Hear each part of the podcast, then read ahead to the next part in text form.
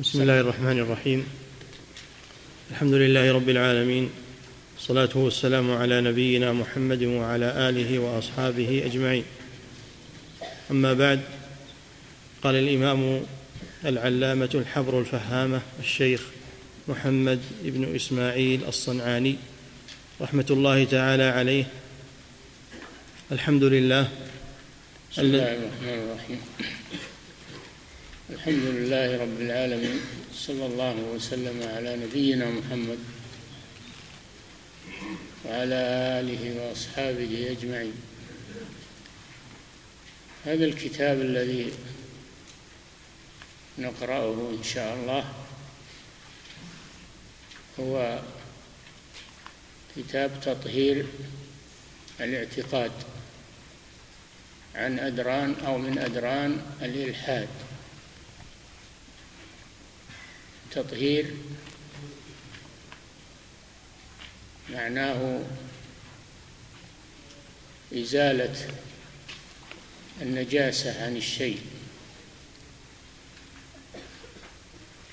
إزالة النجاسة عن الشيء. يسمى تطهيرا له سواء كانت هذه النجاسة حسية كالبول والغائط وأنواع النجاسات أو كانت معنوية كالشرك والبدع المحدثات هذه نجاسة معنوية. قال تعالى يا أيها الذين آمنوا إنما المشركون نجس فلا يقربوا المسجد الحرام بعد عامهم هذا. لأن هذا المسجد الحرام مسجد التوحيد. من حين بناه إبراهيم عليه السلام الله أمره أن يطهره. وعهدنا إلى إبراهيم وإسماعيل أن طهر بيتي طهره من النجاسة الحسية ومن النجاسة المعنوية وهي الشرك. وقال الله لنبينا عليه الصلاة والسلام إنما المشركون نجس فلا يقربوا المسجد الحرام بعد عامهم هذا. الشرك نجاسة وهي أشد من النجاسة الحسية. ينجس العقيدة وينجس الإنسان. المشرك نجس نجاسة الشرك. عقيدته نجسة بالشرك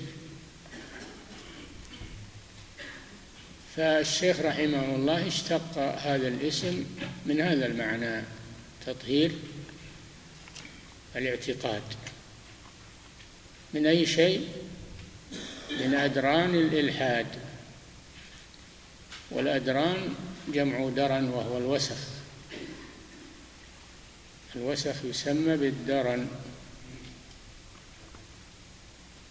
والإلحاد هو الشرك الكفر بالله عز وجل لأن الإلحاد في اللغة معناه الميل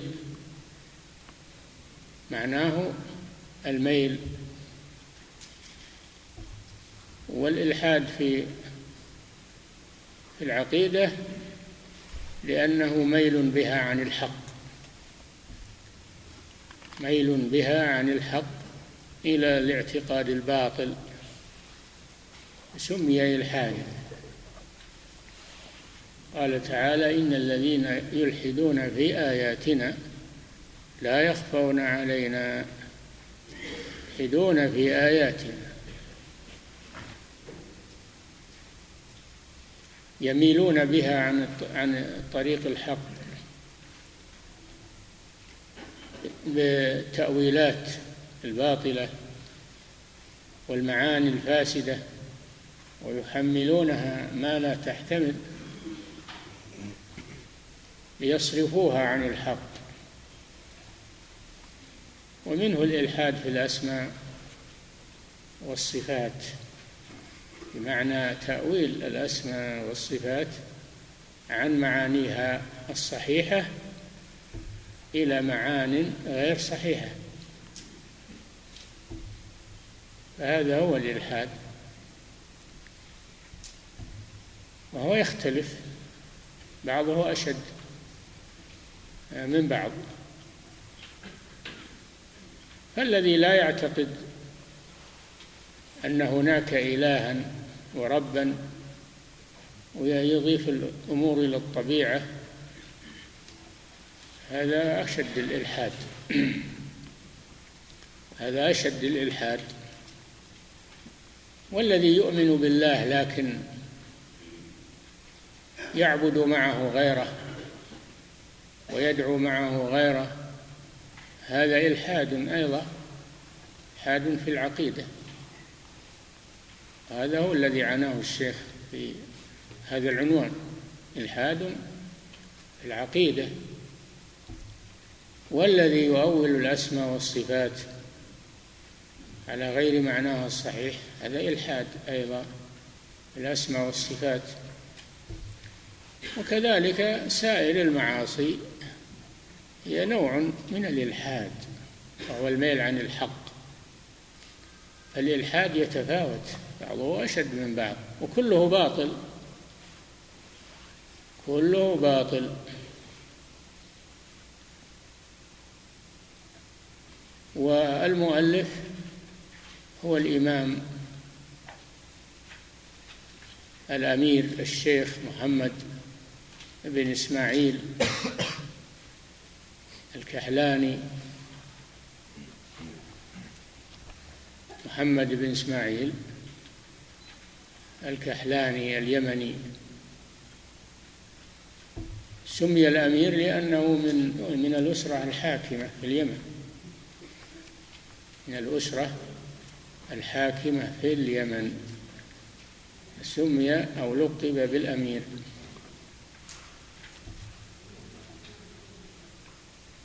واليمن كما هو معلوم تكثر فيه عقيدة الزيدية. تكثر فيه عقيدة الزيدية ويدرسون فقه الزيدية وعقيدة الزيدية المتأخرة هي الاعتزال. دخل عليهم الاعتزال عقيدة المعتزلة. لكن هناك هناك فئة من الله عليها بالبحث عن الحق. فمالوا إلى علم الحديث. مالوا إلى علم الحديث. واعتنوا به. فنفعهم الله به. وعادوا إلى مذهب أهل السنة. لأن علم الحديث خير نور. برهان فها من هؤلاء الإمام الصنعاني رحمه الله منهم الشوكاني منهم ابن الوزير منهم آه، المغربي شارح البلوغ صاحب البدر التمام شرح بلوغ المرام. هؤلاء من الله عليهم بعلم الحديث ومحبة الحديث والإقبال عليه. فتركوا المذهب الزيدي أو تركوا غالبه الذي ليس عليه دليل وأخذوا بعلم الحديث فقه الحديث وصاروا من المحدثين. وهذا شيء بارز في مؤلفاتهم رحمهم الله. وإن كان لا يخلو بعض الأحيان من أشياء ما ندري يعني هل هم يجاملون فيها أو أنها باقية لكنها لا تضرهم. أشياء بسيطة يعني قد ينتقدون قد قد ينتقدون فيها. ولكن فضائلهم وعلمهم وجهادهم وجهودهم تشكر وتغمر ما قد يحصل أو يقع من أخطاء بسيطة أو يسيرة.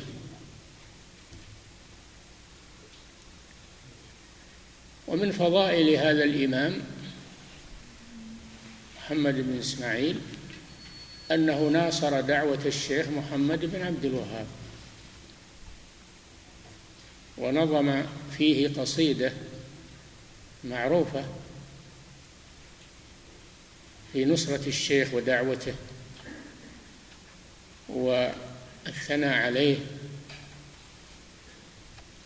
أولها يقول سلامي على نجد ومن حل في نجدي وإن كان تسليمي على البعد لا يجدي آه إلى أن قال قفي قفي واسألي عن عالم حل سوحها.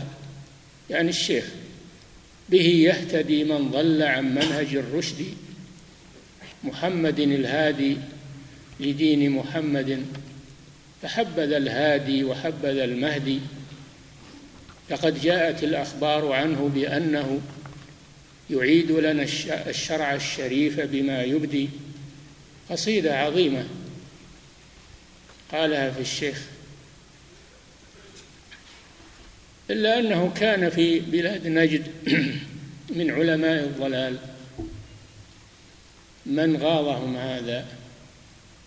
لأنهم يعادون الدعوة التوحيد. فغاضتهم هذه القصيدة. وذهب منهم وفد إلى اليمن. منهم واحد يقال له مربد التميمي. وغيره فنشروا عن الشيخ أكاذيب هناك. قالوا إنه يقتل المسلمين ويستحل دماء المسلمين وأموالهم يكفر يكفر الناس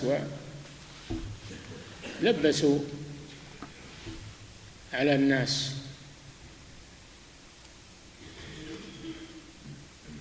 حتى نظموا قصيدة على نمط قصيدة الصنعاني ونسبوها إليه.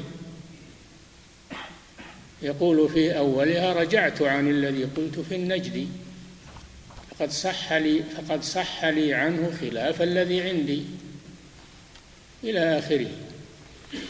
زوروها على الصنعاني رحمه الله ولفقوها ولكن الحق لا يخفى. كلام الصنعاني واضح ليس فيه غموض. ينافي هذه القصيدة تماما ويناقضها. فانبرى الشيخ سليمان بن سحمان رحمه الله إلى الرد على هذه القصيدة نثرا ونظما. وبرأ الشيخ الصنعاني منها وبرأ الشيخ محمد بن عبد الوهاب من هذه الشبهات والترهات. وسمى كتابه تبرئة الشيخين الإمامين يعني الشيخ محمد بن عبد الوهاب والشيخ الأمير محمد الصنعاني تبرئة الشيخين الإمامين عما افتراه أهل الكذب والمين. كتاب جيد أبطل الله به كيد هؤلاء فضحهم وبين أباطيلهم فنصر الله الحق ولله الحمد.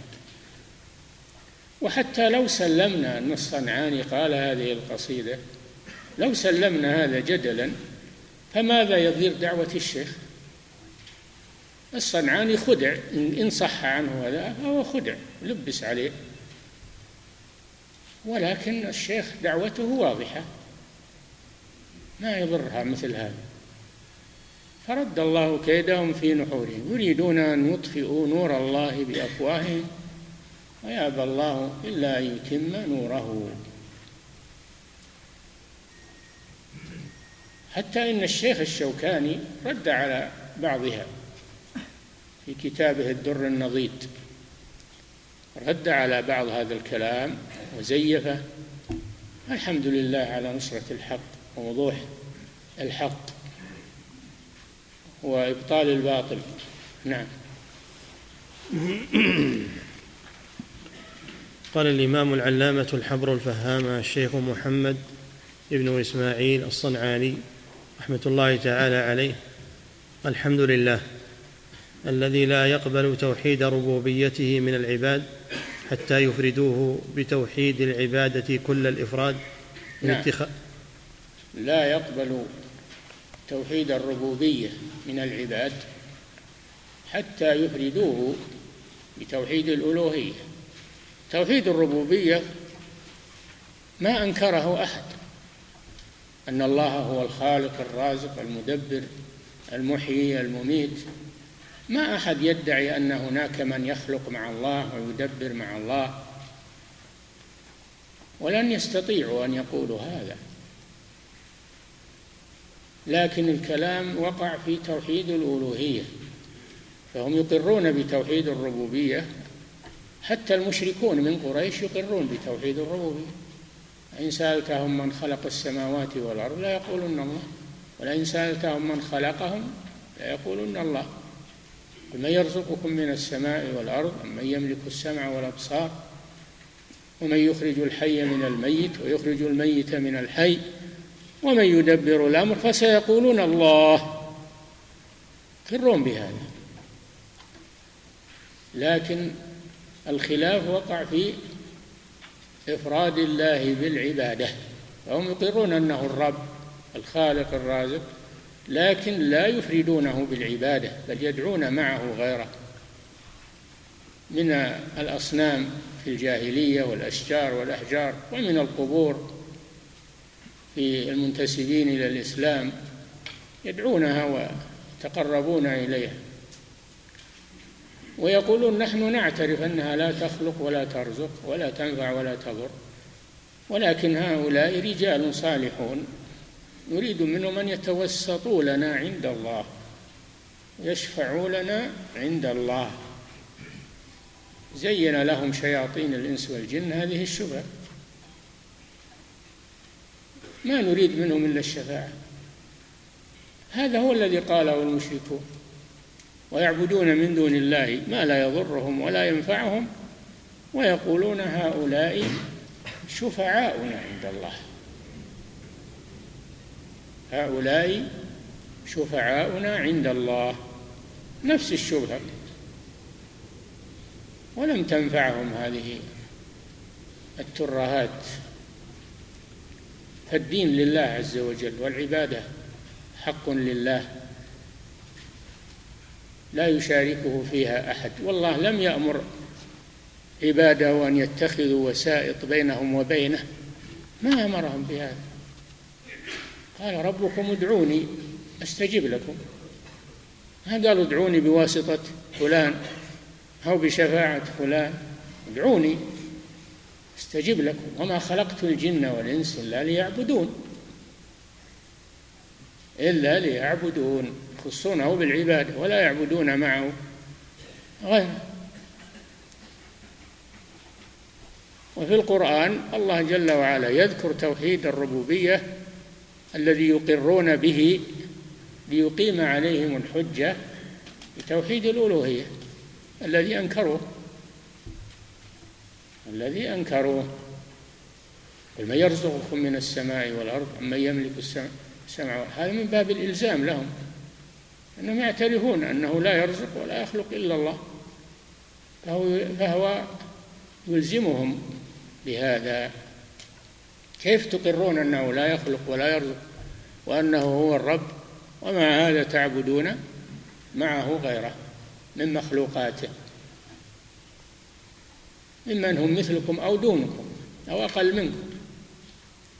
هذا من انتكاس الفطر والعقول. الله جل وعلا يذكر توحيد الربوبية في آيات كثيرة ليقرر به توحيد الألوهية. ليقرر به توحيد الألوهية. وهذا تجدونه في القرآن تجدونه في القرآن بكثرة أول آية في المصحف يا أيها الناس اعبدوا ربكم. سورة البقرة أولها. يا أيها الناس اعبدوا ربكم الذي خلقكم. هذه حجة. والذين من قبلكم لعلكم تتقون. الذي جعل لكم الأرض فراشا والسماء بناء. وأنزل من السماء ماء فأخرج به من الثمرات رزقا لكم فلا تجعلوا لله أندادا وأنتم تعلمون. واضح هذا. هذا واضح كل الوضوح. أنكم تعلمون أن, أن هذه الأنداد ما خلقت السماوات والأرض ولا آه، أنزلت المطر ولا. إن في خلق السماوات والأرض واختلاف الليل والنهار والفلك التي تجري في البحر بما ينفع الناس وما أنزل الله من السماء من ماء فأحيا به الأرض بعد موتها وبث فيها من كل دابة وتصريف الرياح والسحاب المسخر بين السماء والأرض لآيات لقوم يعقلون. آيات على أي شيء؟ على وجوب عبادة الله سبحانه وتعالى. لأنه قال بعدها ومن الناس من يتخذ من دون الله أندادا يحبونهم كحب الله. والقرآن مملوء بهذا ولكن عمي عنه هؤلاء والعياذ بالله. وهم يقرؤونه ويحفظونه بالقراءات العشر والسبع ولا يستفيدون منه في هذا الأصل العظيم. لا حول ولا قوة إلا بالله. لأنهم صرفوا عنه. صرفوا عنه. فهم يقرؤون حروفه ولا يقيمون حدوده. نعم. الحمد لله الذي لا يقبل توحيد ربوبيته من العباد حتى يفردوه بتوحيد العبادة كل الإفراد. نعم كل الإفراد. لا يقبل توحيد الربوبية من عباده حتى يفردوه بتوحيد العبادة كل الإفراد لا يدخلون معه غيره في العبادة. وإلا ف إقرارهم بتوحيد الربوبية لا ينفعهم شيئا ولا ينقذهم من النار. نعم. حتى يفردوه بتوحيد العبادة كل الإفراد من اتخاذ الأنداد. نعم من اتخاذ الأنداد وهم الشركاء. تنبه لهذا. وتنبه لهذا ويعلن للناس ويبين لهم لأن أكثر الناس غافلون مقلدون مطيعون لدعاة الضلال الذين يريدون مصالحهم الدنيوية ومنافعهم. فلا بد إن طلبة العلم يتنبهون ويقومون لله يبصرون الناس بهذا الأمر يشرحونه لهم بحكمة. وموعظة حسنة. فإن إذا حصل هذا اهتدى من يريد الله هدايته. نعم. فلا يتخذون له ندا. نعم. شريكا. لا يتخذون له ندا يعني شريكا. نعم.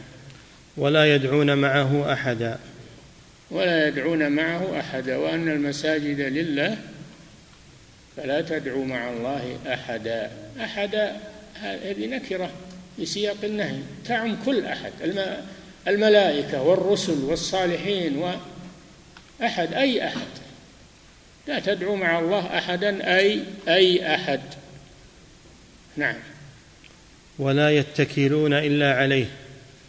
يعني لا يفوضون أمورهم ويعتمدون إلا على الله. لا يعتمدون على القبور والأضرحة والأشجار والأحجار أنها تقضي حوائجهم وتفرج كرباتهم. لا يعتمدون إلا على الله في ذلك. نعم. ولا يفزعون في كل حال إلا إليه. لا يفزعون في كل حال عند الشدائد إلا إليه سبحانه وتعالى. أما يجيب المضطر إذا دعاه ويكشف السوء ويجعلكم خلفاء الأرض. من هو؟ والله سبحانه وتعالى. وإذا مسكم الضر في البحر ظل من تدعون إلا إياه ما تنقذهم هذه الأشياء. إذا وقعوا في لجة البحر أشرفوا على الغرق والهلاك ما يعلمون أن ما ينقذ من هذا إلا الله. فيدعونه يخلصون له الدعاء في هذه الحالة فينجيهم الله سبحانه وتعالى. لأنه غفور رحيم رؤوف بالعباد. نعم. ولا يدعونه بغير أسمائه الحسنى. قال تعالى ولله الأسماء الحسنى فادعوه بها. هذا من أسباب الإجابة. توسل إليه بأسمائه الحسنى هذا من أسباب الإجابة. تقول يا رحمن ارحمني يا غفور اغفر لي يا رزاق ارزقني. وهكذا من أسمائه سبحانه وتعالى. نعم. ولا يتوصلون إليه لا يدعون إلا بأسماء. ما يدعون بفلان والولي الفلاني والشجرة الفلانية والقور الفلاني. ما يدعون الله إلا بأسماء. نعم. ولا يتوصلون إليه بالشفعاء. نعم كما يفعل المشركون. يعبدون من دون الله ما لا يضرهم ولا ينفعهم ويقولون هؤلاء شفعاؤنا عند الله. ألا لله الدين الخالص والذين اتخذوا من دونه أولياء ما نعبدهم إلا ليقربونا إلى الله زلفى. هذه حجتهم. يقولون ما ما نعلم أنهم ما يخلقون ولا يرزقون ولا يدبرون شيء من الكون لكن هم صالحون ونريد منهم أن يقربونا إلى الله. مثل ما يحصل عند ملوك الدنيا حينما يتوسل إليهم بوزرائهم والمحظيين عندهم في قضاء حوائج المحتاجين يقيسون الله على خلقه. تعالى الله عن ذلك علوا كبيرا. نعم. ولا يتوصلون إليه بالشفعاء من ذا الذي يشفع عنده إلا بإذنه.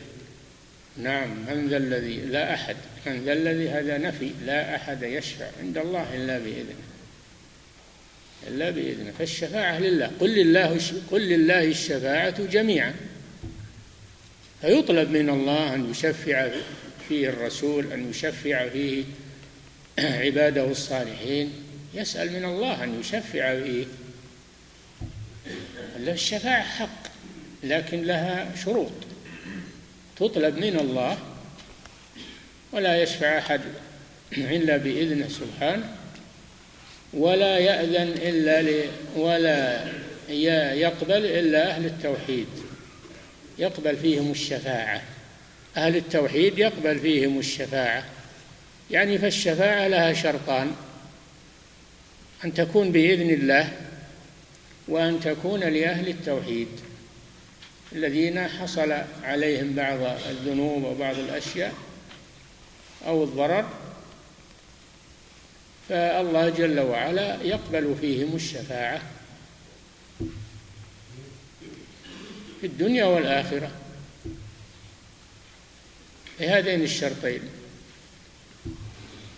وكم من ملك في السماوات لا تغني شفاعتهم شيئا إلا من بعد أن يأذن الله لمن يشاء ويرضى. هذا الشرطين في هذه الآية. يأذن الله لمن يشاء في الشفاعة ويرضى عن المشفوع فيه. أما المشرك فلا يقبل الله فيه شفاعة. الكافر لا يقبل الله فيه شفاعة. فما تنفعهم شفاعة الشافعين؟ ما تنفعهم. ما للظالمين من حميم ولا شفيع يطاع. ما يقبل الله في المشرك شفاعة أبدا. إنما الشفاعة لأهل التوحيد. نعم. ولا يتوصلون إليه بالشفعاء من ذا الذي يشفع عنده إلا بإذنه؟ فأروني ماذا خلق الذين من دونه؟ هذا خلق الله. هذا خلق الله. فأروني ماذا خلق الذين من دونه؟ الله ذكر مخلوقاته فقال هذا خلق الله السماوات والأرض والجبال والبحار والآدميين والدواب وكل شيء. ما أروني ماذا خلق الذين من دونه. خلقوا جبلا خلقوا شجرة خلقوا أبدا. هم مخلوقون. هذا تحدي من الله عز وجل. فهذه المعبودات التي يعبدونها الله يتحداهم يقول أروني ماذا خلقوا من الأرض؟ أم لهم شرك في السماوات؟ ما ما ما لهم شركة في الخلق. الخالق هو الله وحده وهو الذي يجب أن يعبد وحده. نعم. وأشهد أن لا إله إلا الله وحده لا شريك له ربا ومعبودا. نعم ربا ومعبودا. هذا توحيد الربوبية وتوحيد الألوهية. نعم. وأشهد أن محمدا عبده ورسوله الذي أمره أن يقول قل لا أملك لنفسي نفعا ولا ضرا إلا ما شاء الله. أمر الله نبيه صلى الله عليه وسلم أن يقول لا أملك لنفسي نفعا ولا ضرا إلا ما شاء الله. ولو كنت أعلم الغيب لاستكثرت من الخير. وما مسني السوء إن أنا إلا نذير وبشير لقوم يؤمنون. هل يقولون أن الرسول يفعل كل شيء وأنه يعطي وأنه تطلب منه الحوائج وأن يا رسول الله يا رسول الله يرفعون أصواتهم بالدعاء للرسول؟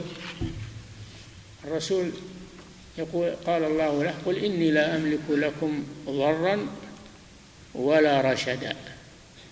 قل إني لن يجيرني من الله أحد ولن أجد من دونه ملتحدا إلا بلاغا من الله ورسالاته. هذا اللي يملكه الرسول البلاغ الذي أوحاه الله إليه. أما تصرف في الكون فهذا إلى الله عز وجل. لا يشاركه فيه أحد. لا الرسل ولا غيرهم ولا الملائكة ولا غيرهم. نعم. وأشهد أن محمدا عبده ورسوله الذي أمره أن يقول قل لا أملك لنفسي نفعا ولا ضرا إلا ما شاء الله. عبده ورسول عبد رسول عبد ورسول وليس ربا ولا الها ولا نعم. وكفى بالله شهيدا. نعم. صلى الله عليه وعلى آله التابعين له في السلامة من العيوب وتطهير القلوب عن اعتقاد كل شيء يشوب صلى الله عليه نعم. صلى الله عليه وعلى آله التابعين له في السلامة من العيوب وتطهير نعم. القلوب عن اعتقاد كل شيء يشوب نعم تطهير الاعتقاد هذا مضمون العنوان. مضمون العنوان. والصلاة على الله الصلاة على الرسول معناها الثناء من الله عليه. الثناء من الله على رسوله. نعم. وبعد؟ ثم من بعد الرسول يصلي على أصحابه على آله وأصحابه يدعو لهم بالصلاة بعد الرسول صلى الله عليه وسلم. نعم. وبعد فهذا تطهير الاعتقاد نعم. عن عن أدران الإلحاد.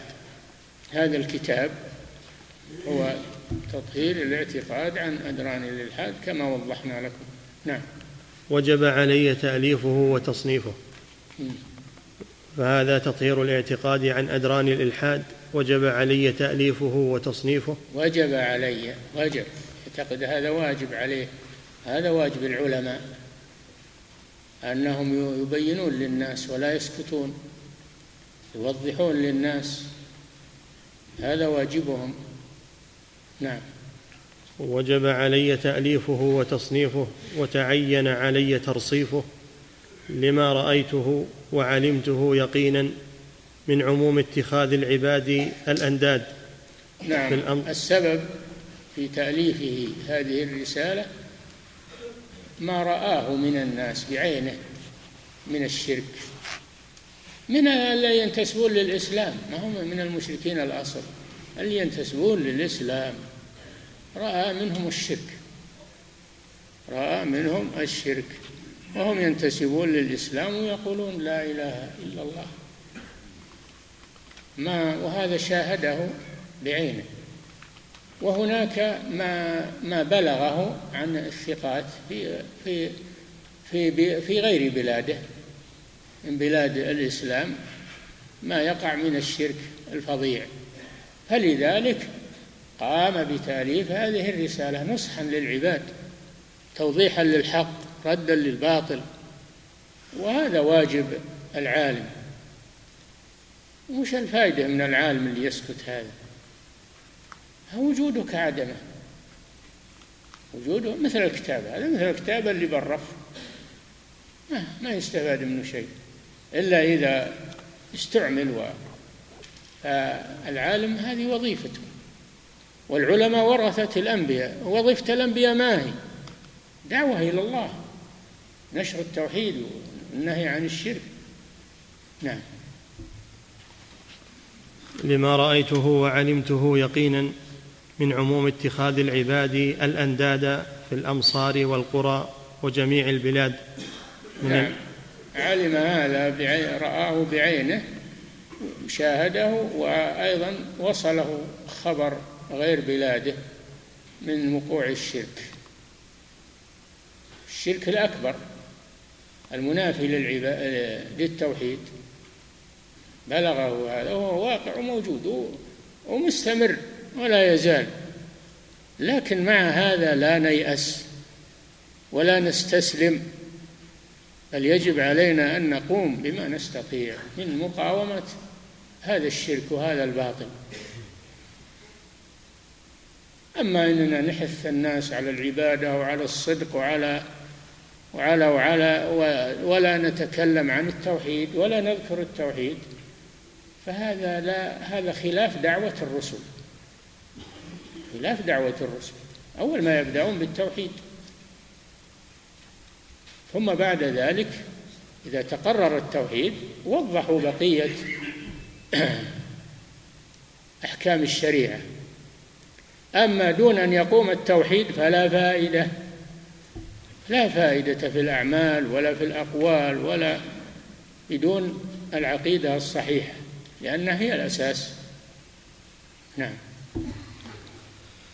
لما رأيته وعلمته يقينا من عموم اتخاذ العباد الأنداد في الأمصار نعم ولا يسع العالم الذي الذي رأى أو بلغ ما عليه الناس من الشرك لا يسعه السكوت ولا تبرأ ذمته وسيسأله الله يوم القيامة عن ذلك. نعم. لما رأيته وعلمته يقينا من عموم اتخاذ العباد الأنداد في الأمصار والقرى وجميع البلاد. من نعم اليمن. في القرى والبلاد والمدن وجميع البلاد واقع فيها هذا الشيء. ما هو خاص قطر دون قطر ولا بلد دون بلد. منتشر. هذا منتشر. يحتاج إلى مقاومة. لكن إذا قام الحق اندحر الباطل ولو كان الباطل كثيرا. مثل الشمس إذا طلعت على الضباب انجلى. فالحق إذا قام به أهله انقمع الباطل وانحسر. نعم.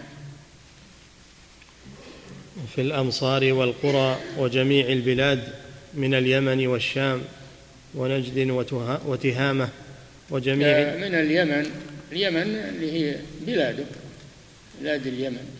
سميت يمنا لوقوعها أيمن الكعبة والشام سمي الشام لوقوعه شامي الكعبة ونجد و وتهامة هذه مقابلة لأن اللي يقابل النجد وهو المرتفع يقابله التهام وهو المنخفض.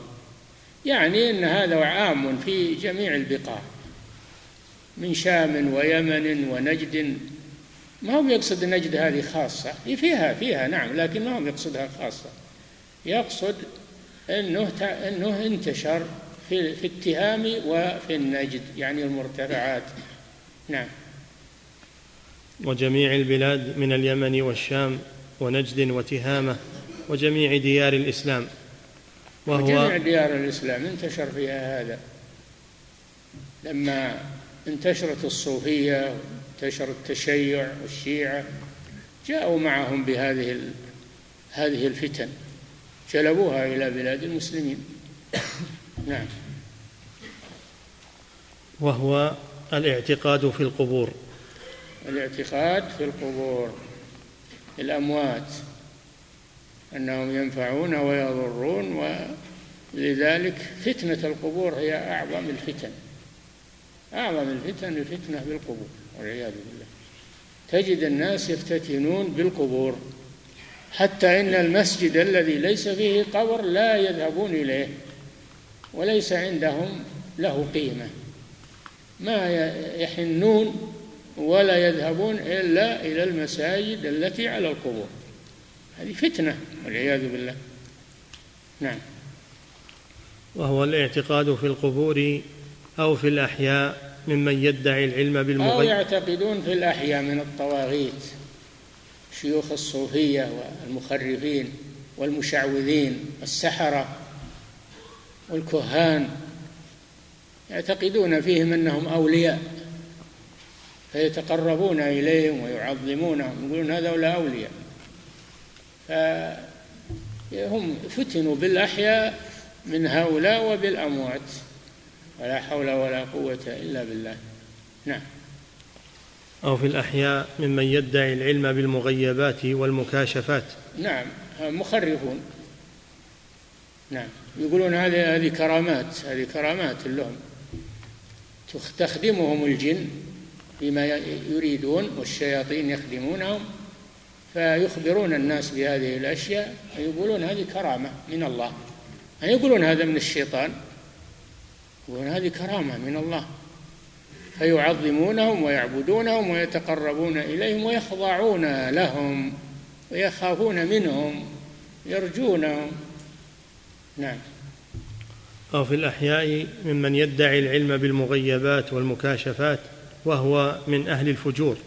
يدعي العلم بالمغيبات. هؤلاء هم الكهان. ومن يدعي الشعوذة وهو ما يعلم شيء لكن الجن والشياطين تأتيه بالأخبار. فيظن الناس أنه يعلم الغيب وهو خادم للشيطان. ما يخبر به إنما هو من تلقيه عن الشياطين. هل أنبئكم على من تنزل الشياطين؟ تنزل على كل أفاك أثيم. يلقون السمع وأكثرهم كاذبون. هذا المصيبة والفتنة. يقولون هؤلاء أولياء من أولياء الله. هذا جرى على يده كرامة خارق عادة وإلى آخره. هذا يمشي على البحر هذا يمشي على النار ولا تضره. وهو اللي يحمله الشيطان فوق البحر. ما لو خلي لحاله غرق لكن الشياطين تشيل لأنه تقرب إليها وعبدها. نعم.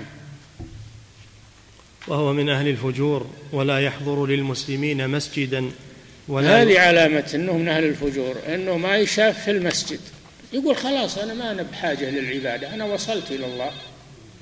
وصلت إلى الله ولا أنا بحاجة إلى العبادة. العبادة للعوام. أما أمثاله هؤلاء وصلوا ولا يحتاجون إلى العبادة. فيزيد تعظيمهم عند عند الجهال. شافوه ما يصلي قالوا إيه هذا هذا ولي. ما بحاجة للصلاة ولا هذا وصل إلى الله. نعم. شوف الشيطان كيف يتجارى ببني آدم. نعم. ولا يحضر للمسلمين مسجدا ولا يرى لله راكعا وهذا ولا مشهور عنهم أنهم ما يشافون في المساجد. ولا يقربونها. بل ربما يبولون فيها. لأن الشيطان يأمرهم بهذا. يعتقد فيهم أنهم أولياء لله وهم من أولياء الشيطان. نعم. وأنتم قرأتم العام الماضي كتاب الفرقان بين أولياء الرحمن وأولياء الشيطان لابن القيم رحمه الله. نعم. آه نعم لشيخ الإسلام ابن تيمية رحمه الله. ابن القيم له كتاب إغاثة اللهفان. إغاثة اللهفان من مصائد الشيطان. أيضا من هذا من هذا البحر العلمي المفيد. نعم. ولا يحضر للمسلمين مسجدا ولا يرى لله راكعا ولا ساجدا. ما يحتاج للصلاة والركوع والسجود ولا يحتاج يروح للمساجد. هذا واصل إلى الله. نعم. ولا ويقولون ما يصلي معنا لأنه رايح المكة يروح المكة يصلي عند عند الحرم. وهو نايم من بيته يقول رايح المكة. لأنه يروح الكرامة تشيله ويروح بلا سيارة وبلا طيارة وبلا بعير وبلا أي شيء. يروح ويجي بلحظة بعد. نعم. ولا يرى لله راكعا ولا ساجدا ولا يعرف السنة ولا الكتاب. ولا يعرف السنة اللي هي طريقة الرسول صلى الله عليه وسلم ولا الكتاب الذي هو القرآن. ليس بحاجة إليها. يقول ما بحاجة إلى. هذه للعوام. الكتاب والسنة للعوام اللي ما وصلوا ولا عرفوا. ولذلك يسمونها العارف بالله. عارف بالله. خلاص. نعم. ولا يهاب البعث ولا الحساب. نعم لا يؤمن بالبعث والحساب ولا يراقب الله عز وجل. نعم. فوجب علي أن أنكر ما أوجب الله إنكاره. وجب علي. فوجب علي أن أنكر ما أوجب الله إنكاره ولا أكون من الذين يكتمون ما أوجب الله إظهاره. نعم من الذين يكتمون ما أنزلنا من البينات والهدى. من بعد ما بيناه للناس في الكتاب أولئك يلعنهم الله ويلعنهم اللاعنون إلا الذين تابوا وأصلحوا وبينوا فأولئك أتوب عليهم وأنا التواب الرحيم. وإذا أخذ الله ميثاق الذين أوتوا الكتاب لتبيننه للناس ولا تكتمونه فنبذوه وراء ظهورهم واشتروا به ثمنا قليلا فبئس ما يشترون. فالواجب على العالم أن لا ينام ويسكت ويتغافل الواجب أن يقوم لله عز وجل لا سيما إذا كثر الشرك والمنكرات أنه يقوم بما أوجب الله عليه. نعم. فوجب علي أن أنكر ما أوجب الله إنكاره ولا أكون من الذين يكتمون ما أوجب الله إظهاره. نعم. فاعلم أن ها هنا أصولا. يكفي نقف عند هذا. هذه مقدمة. نعم.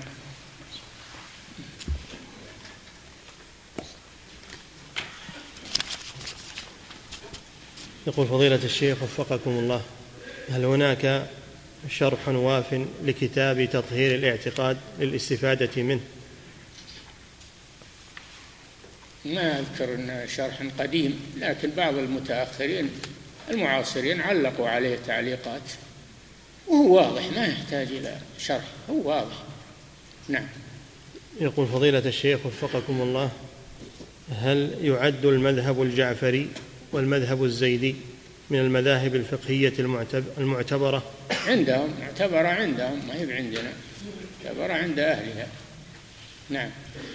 يقول فضيلة الشيخ وفقكم الله هل يمكن القول بأن الشيخ محمد بن إسماعيل الصنعاني هو سلفي في العقيدة زيدي في الفروع. أعوذ بالله. من قال إنه زيدي؟ من قال إنه زيدي في الفروع؟ هو محدث من علماء الحديث من فقهاء الحديث رحمه الله. نعم. يقول فضيلة الشيخ وفقكم الله ذكر الشيخ الشوكاني رحمه الله في كتابه الدر النظير أن الصنعاني له منظومة رجع فيها عن ثنائه على دعوة الإمام هذا محمد. اللي قلت لكم هذا اللي قلت لكم. آه، الشوكاني رآها وذكرها وهي دار حولها ما دار من الكلام. وقلنا لو صحت للصنعاني وحاشاه أن تصح لكن لو صحت فالعبرة ما هو العبرة بالكتاب والسنة. ودعوة الشيخ واضحة ما فيها لبس وصولها وتفاصيلها موجودة. دوروا لنا فيها ما ينتقد والحق ضالة المؤمن. لكن الحمد لله ما وجد فيها إلا الخير ولا وجد فيها إلا الحق ونفع الله بها. فهي دعوة صالحة ولله الحمد. نحن لا نبري المخلوق ونعتقد له العصمة لكن نقول يلا نتحداكم. أن تأتون بشيء ينتقد على الشيخ. نعم. يقول فضيلة الشيخ وفقكم الله هل الإنكار على من نسب الإمام الصنعاني رحمة الله عليه إلى الزيدية هل الإنكار على من نسبه إلى ذلك يعد من الذب عن أعراض العلماء؟ نعم. لا يقال إنه زيدي يقال إنه سني محدث. نعم. يقول فضيلة الشيخ وفقكم الله هل الزيدية هم الذين يتسمون اليوم بالحوثيين؟ لا يقولون إن الحوثيين رافضة. الحين الزيدية يقاتلون الحوثيين لأن الحوثيين رافضة. الجعفرية نعم. يقول فضيلة الشيخ وفقكم الله من المعلوم أن الزيدية من أخف الشيعة وهي الأقرب لأهل السنة. فكيف يكون التعامل معهم؟ نتعامل معهم نتعامل مع المباحات ومع التجارة والأمور نتعامل معهم. نعم. يقول فضيلة الشيخ وفقكم الله يقول أكون في بعض المجالس ويوجد أشخاص متأثرون ببعض دعاة الضلال. يقول أكون في بعض المجالس ويوجد أشخاص متأثرون ببعض دعاة الضلال نعم. الذين حذر منهم العلماء. فهل أبين كلام العلماء فيهم؟ أو الأفضل أن أسكت لا سيما إذا كان الحاضرون في المجلس من العوام؟ لا ما تسكت. إذا سكت معناه أنك أقررتهم والعوام يصدقون هذا الكلام. فبين بالحكمة والموعظة الحسنة. بين هذا. وإن أمكن أنك تنفرد بهؤلاء. اللي تكلموا وتوضح لهم. فإن تراجعوا الحمد لله وإن ما تراجعوا تبين بعد ذلك للناس. نعم. يقول فضيلة الشيخ وفقكم الله في قول المؤلف رحمة الله عليه محمد صلى الله عليه وعلى آله التابعين له في السلامة من العيوب. هل يفهم منه أنه يعتقد العصمة في آل البيت؟ نعم. يقول في قول المؤلف وأشهد أن محمدا رسول الله صلى الله عليه وعلى آله التابعين له في السلامة من العيوب. التابعين له شوف التابعين له. تابعين له للرسول صلى الله عليه وسلم. اللي ما هم تابعين له ولو كانوا من آله ما ما يعتبرون. نعم. نعم إيش يقول الأخ؟ التابعين مطلقة يعني. على كل حال كله سواء يعني. المهم إنه قال والتابعين يعني اللي ما هو بتابع للرسول ما له عبرة ولا هو من أهل البيت ولا هو من القرابة ما يعتبر. نعم. يقول فضيلة الشيخ وفقكم الله ما حكم من لا يكفر عباد القبور؟ ويقول هم جهال لا يقصدون عبادة غير الله. هذا إما أنه جاهل وإلا أنه يغطي على الشرك يغطي على الشرك ويستر عليه. إن كان جاهل فالجاهل ما ما يعتبر كلامه لأنه جاهل. يبين له جهله وأنه لا يعرف هذا الشيء. وإن كان أنه يريد التغطية والتعمية فهذا يجب أنه يرد عليه. يجب أنه يرد عليه وينكر عليه. نعم. يقول فضيلة الشيخ وفقكم الله. بقول المؤلف رحمة الله عليه أو في الأحياء ممن يدعي العلم بالمغيبات والمكاشفات. ما المراد بالمكاشفات؟ الفراسة اللي يدعون أنها فراسة وانه يستكشف أشياء تخفى على غيره؟ نعم.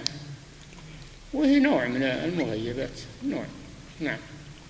يقول فضيلة الشيخ وفقكم الله كثير من الناس اليوم لا سيما من ظاهره السنة. إذا قلنا إن كثيرا من المسلمين اليوم يقعون في الشرك الأكبر غضب وقال هذا تفرقة بين المسلمين وعليكم بجمع المسلمين على قلب واحد والتحابب والترابط. هذه يقولونها لكن هذا تناقض. كيف نجمع المسلمين وهم عندهم شرك؟ ما يمكن جمعهم وهم عندهم شرك. ما يجتمع الا أهل التوحيد أهل العقيدة. أما من عنده شرك ما يجتمع أبدا مع الموحدين. ما يجتمع الضدان. ضدان لا يجتمعان المشرك والموحد والمؤمن والكافر ما يمكن. ولو بقصدنا أو مهمتنا الجمع مهمتنا التمييز بين الحق والباطل وبين أولياء الرحمن وأولياء الشيطان. هذه مهمتنا. أما الجمع على الباطل هذا أول شيء إنه ما يمكن. وثانيا ما هذا من التزوير ومن ستر الحق وستر الباطل على أهله؟ لازم من البيان. تبينونه للناس ولا تكتمونه فهذا من الذين يكتمون الحق ولا يبينه للناس. ويقول نبي الناس يجتمعون. ما يمكن يجتمعون ولو اجتمعوا وهم على باطل ما ينفع اجتماعهم. نعم. يقول فضيلة الشيخ وفقكم الله فكتب أحدهم ممن يحمل شهادة الدكتوراه يطالب بأن لا تكون القبور أرضا صحراوية تثير على الزوار الغبار وتحرقهم الشمس وأن من حقوق الأموات على المسلمين أن تجعل هذه المقابر فيها خضرة. فيها خضرة. أشجار هذا جاهل هذا ما هذا جاهل. ولا أنه مضلل والعياذ بالله. ما يجعل فيها خضره ولا يجعل فيها. لكن لو قال انه انه الدك أو ترشب ماء ماء حتى يمتنع الغبار يمكن يقبل من هذا. أما أنه يجعل فيها خضرة نعم. يقول فضيلة الشيخ وفقكم الله يقول العلماء رحمة الله عليهم نعرف الله بآياته ومخلوقاته. ويمثلون على ذلك بالليل والنهار والشمس والقمر. هذه مخلوقات نعم. فما الفرق بين الآيات والمخلوقات؟ الآيات المتلوة القرآن. الآيات المتلوة القرآن. والآيات المرئية وهي المخلوقات. نعم. يقول فضيلة الشيخ وفقكم الله من توقف في مسألة القول بخلق القرآن فما القول في ذلك؟ أنه ضال. القول فيه أنه ضال مضل. ولا يجوز التوقف بل يصرح ويقال القرآن منزل غير مخلوق. كلام الله عز وجل. يقال هذا صراحة وعلانية. ولا يقال إنه يسكت عنه ولا يقال. هذه موافقة لأهل الضلال. نعم. يقول فضيلة الشيخ وفقكم الله متى يكون البلد بلد كفر؟ يكون بلد كفر إذا ظهر فيه الكفر. إذا كان الكفر هو الظاهر فيه فإنه يكون بلاد الكفر. خصوصا إذا صارت ولايته كافرة. نعم. يقول فضيلة الشيخ وفقكم الله هل يستدل بآية أو بقوله سبحانه لتصنع على عيني على إثبات صفة العين لله سبحانه؟ أم أن هذه لتصنع على عيني يعني على مرأى مني. نعم فيه إثبات العين لأنه على مرأى مني والمرأة لا يكون إلا بالعين. والله جاء جاء وصفه بأن له عينين وله وجه وله يدان وله نعم له صفات ذاتية. نعم. يقول تجري بأعيننا سفينة تجري بأعيننا يعني بمرأى منا. نعم. يقول فضيلة الشيخ وفقكم الله هل يجوز هذا القول وهو تتقدم الجهة الفلانية مثلا تتقدم بخالص الشكر لفلان؟ على قدره الشكر على قدره. المخلوق يشكر على قدر إحسانه. وفي الحديث من لا يشكر الناس لا يشكر الله. نعم. يقول فضيلة الشيخ وفقكم الله إذا كان الشخص بخيلا فهل يجوز أن نلزمه بدفع شيء كأن يعشينا مثلا من باب المصلحة له وتعويده على الكرم؟ إن قويته ما يخالف. نعم. يقول فضيلة الشيخ وفقكم الله يقول بت في منى في أول ليلة من ليالي التشريق ما يقرب من الخمس ساعات والنصف. وفي الليلة الثانية بت في منى من الساعة التاسعة والنصف إلى الساعة الثالثة والنصف. يعني ما يقرب من ست ساعات فهل هذا يكفي أم علي شيء؟ أقل شيء نصف الليل. إذا كان ما بت في منى يعادل نصف الليل فلا بأس. إذا كان أقل لا. نعم. يقول فضيلة الشيخ وفقكم الله أنا يسهل علي حفظ المنظومات في العلم فهل تنصحوني بحفظها ثم حفظ الأد... ثم حفظ الأدلة عليها؟ يا أخي الحفظ ما يكفي ولا يفيد. لازم تقرأ على أهل العلم. إن كان حفظ مع القراءة على أهل العلم طيب. أما مجرد الحفظ هذا ما يفيد ويتعبك وبعدين ربما يضرك. تظن أنك عالم ولست بعالم. نعم. يقول فضيلة الشيخ وفقكم الله خلع الجوارب بعد المسح عليها وقبل انتهاء المدة هل ينقض الوضوء؟ بلا شك هذا من نواقض الوضوء. إذا إذا كشف الممسوح عليه بطل الوضوء. نعم. فضيلة الشيخ وفقكم الله لو أدرك المأموم الإمام وهو في السجود فهل يجب على المأموم أن يكبر ويضع يديه على صدره ثم يسجد؟ أم يكبر ويسجد مباشرة بدون؟ يسجد مباشرة وضع اليدين على الصدر هذا إذا كان يبي يقف. أما إذا كان يبي يسجد على طول فلا, فلا يضع يديه. نعم.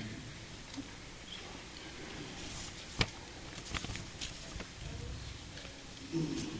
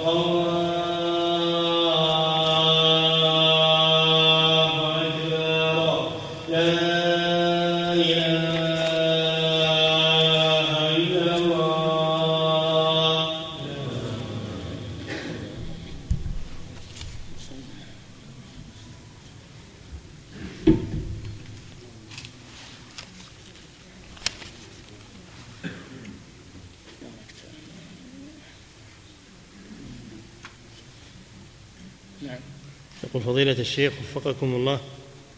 طفت يقول السائل طفت طواف الإفاضة والوداع أربعة أشواط. فسألت فضيلتكم في درس سابق فقلتم ارجع وطف طواف الإفاضة. سؤاله هل علي دم عن طواف الوداع؟ وكيف إذا ذهبت؟ هل أؤدي العمرة؟ ما بعد تم حجك يا أخي. الوداع ما فيه وداع لما يتم حجك. حتى لو طفت للوداع ما يصح لأنه ما تم حج. لازم ترجع وتطوف للإفاضة. ويكفي عن الوداع إن شاء الله. إذا رجعت على طول بعده يكفي عن الوداع. إن جلست بمكة بعده فتوادع إذا أردت السفر. نعم. أقول وهل يجب علي أن أحرم بعمرة عند الذهاب هناك؟ ما يجب عليك. إن شئت تأخذ عمرة وتجيب طواف الإفاضة وإن شئت تقصد المطاف الطوف طواف الإفاضة ويكفي. ولا تعرف. نعم. يقول فضيلة الشيخ وفقكم الله ما حقيقة الصورة؟ هل هي بوجود العينين وباقي ملامح الشكل؟ وهل الوجه المطموس يعتبر صورة؟ الصورة هو الوجه. الصورة لو شفت بدن ولا فيه ولا فيه وجه ما ما صار صورة. لكن الصورة هي الوجه. حتى بدون بدن إذا صار وجه بس هذه صورة. نعم. يقول فضيلة الشيخ وفقكم الله. يقول ذكر الإمام الشاطبي رحمه الله في كتابه الموافقات ذكر أن العلماء قد اختلفوا فيما إذا رافق تحصيل الأمر المباح رافقه أمور محرمة ما بين مجيز لتحصيل هذا المباح وما بين مانع ولم يرجح الشاطبي شيئا فما رأي فضيلتكم في هذه المسألة؟ إذا كانت المصلحة أرجح. يطلب هذا الشيء إذا كانت المفسدة أرجح لا. إذا تساويا لا أيضا. نعم. يقول فضيلة الشيخ وفقكم الله هل من كلمة حفظكم الله نحو تعديل صفوف المصلين والاهتمام بتسويتها وسد الفرج بينهم في المساجد؟ والله اليوم الحمد لله الفرش هذه المدات هذه هذه يتم عليها التعديل لأنه هي معتدلة وممدودة فالمصلون إذا وقفوا عليها ولاحظوا يعتدلون في ذلك. نعم. يقول فضيلة الشيخ وفقكم الله إذا كان الجوال جهاز الجوال يوصل إلى أمر محرم بما فيه من المخالفات من الصور وغير ذلك فهل يحرم هذا الجوال على هذا الشخص؟ نعم بكاميرا لا تستصحب الكاميرا وآلة التصوير. اشتر جوال ليس فيه كاميرا. نعم. يقول فضيلة الشيخ وفقكم الله هل ورد حديث بأن الملازم لوالديه ولخدمة والديه عند الكبر يعد كالمجاهد مع النبي صلى الله عليه وسلم؟ نوع من الجهاد. الرسول صلى الله عليه وسلم أرجع المجاهد قال اذهب إلى والديك ففيهما فجاهد هذا نوع من الجهاد. بر الوالدين إذا عند لا سيما عند الحاجة نوع من الجهاد. نعم. يقول فضيلة الشيخ وفقكم الله يقول سألتكم حفظكم الله في درس سابق عن أرض اشتريتها وفي المستقبل لا أدري هل سأبني عليها أم سأبيعها فأجبتم أنه لا زكاة فيها. لكن إذا كانت الأرض منحة من الدولة فهل فيها زكاة أم لا؟ إذا نويتها للبيع إذا نويتها للبيع بدأ فيها حول الزكاة من النية. إذا تم عليها حول بعد النية زكيها. أما إذا لم تنويها فليس فيها زكاة. نعم. إذا لم تنويها للبيع فليس فيها زكاة. نعم. يقول فضيلة الشيخ وفقكم الله بعض طلبة العلم يقول إنه لا بأس بالتهنئة ببداية العام الهجري الجديد. وبعضهم يمنع من ذلك. فما الراجح في هذا؟ اللي يقول لا بأس وش دليله؟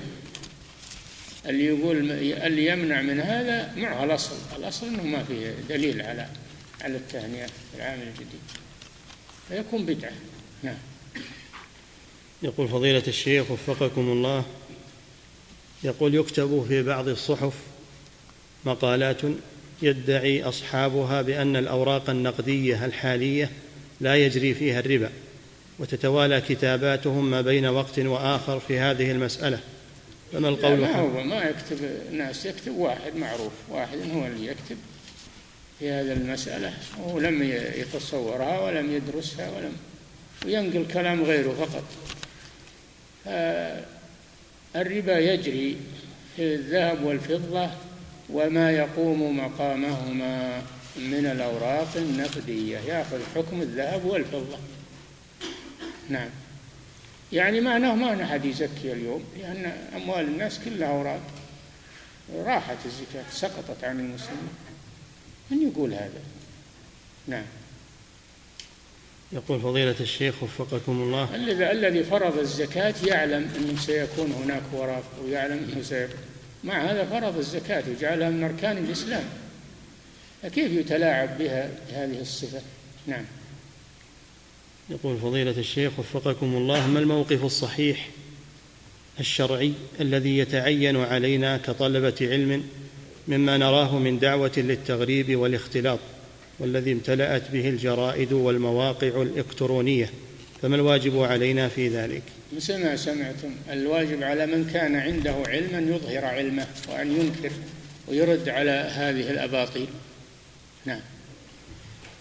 يقول فضيلة الشيخ وفقكم الله عندي قطعة أرض قد أجرتها لشخص يقوم بزراعتها وأخذ محصولها ويعطيني في السنة. نعم. عندي قطعة أرض قد أجرتها على شخص يقوم بزراعتها وأخذ محصولها ويعطيني في السنة الإيجار على قسطين. فهل على هذا المال من زكاة؟ نعم إذا تعالى عليه الحول من العقد هذا دين لك في ذمته. إذا حال عليه الحول من العقد تزكيه سواء نقده لك أو بقي في ذمته هو ملكك. نعم. مثل ما تأجر الدار والدكان تأجير الأرض مثل هذا. نعم. كذلك حفظك الله يقول هل علي أن أخرج الزكاة من هذا المحصول؟ هل علي أن أخرج الزكاة من هذا المحصول؟ مأجرها بدراهم ولا مأجرها بما يخرج بشيء مما يخرج منها. ها؟ كان مأجرها بدراهم فالجواب ما قلنا عليه زكاة لأن هذا دين له أما إذا كان مأجرها ببعض ما يحصل منها فالزكاة تكون على صاحب الزرع. إذا اشتد الحب تكون الزكاة على مالك الزرع. نعم. يقول فضيلة الشيخ وفقكم الله. هل إذا خرج الحاج من عرفة في يوم عرفة خرج نهارا من عرفة لأي سبب ثم عاد إليها فهل عليه شيء؟ لا ليس عليه شيء. له يخرج ويجيب حاجته إذا صار له حاجة ويرجع. نعم. يقول فضيلة الشيخ وفقكم. له يروح المكة ويجيب حوائجه ويرجع للوقوف ما في مانع. نعم. يقول فضيلة الشيخ وفقكم الله الطلاب الذين في الابتداء أو في المتوسط والذين لم يبلغوا الحلم هل يجوز لوالدهم أن يأخذ ما يأتيهم من رواتب في مدارس التحفيظ أم لا يجوز له ذلك؟ لهم أن أولادكم من كسبكم له أن يأخذ له أن يأخذ ما يعطون لأنه والدهم وهم من كسبه أنت ومالك لأبيك. نعم. يقول فضيلة الشيخ وفقكم الله.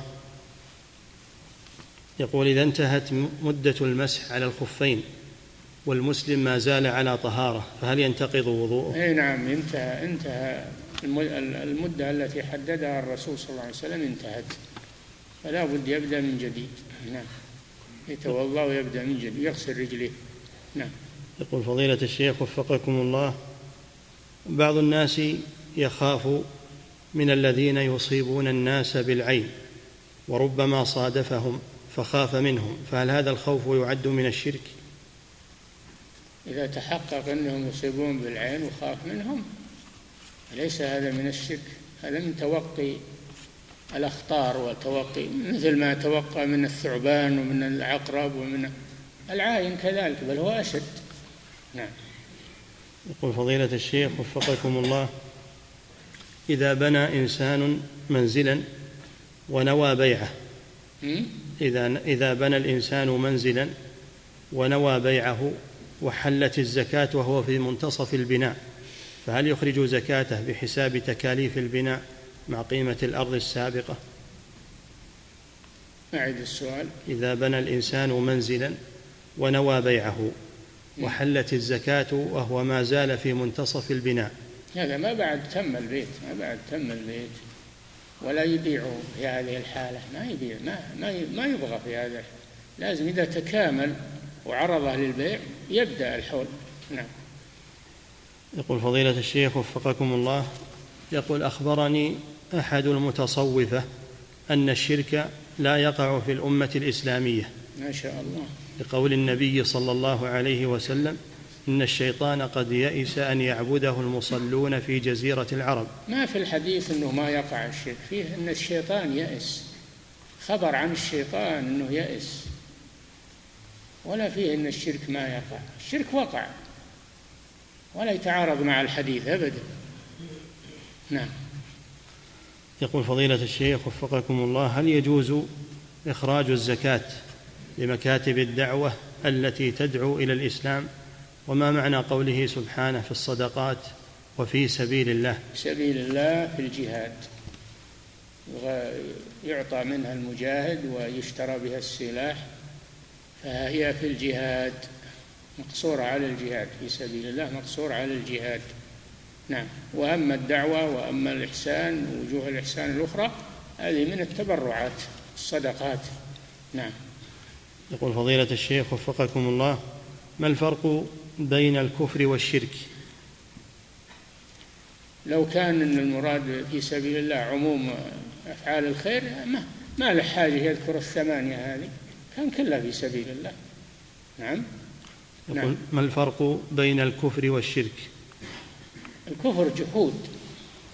جحود الرب سبحانه وتعالى. أما الشرك فهو يقر بالرب لكن يشرك معه غيره في العبادة.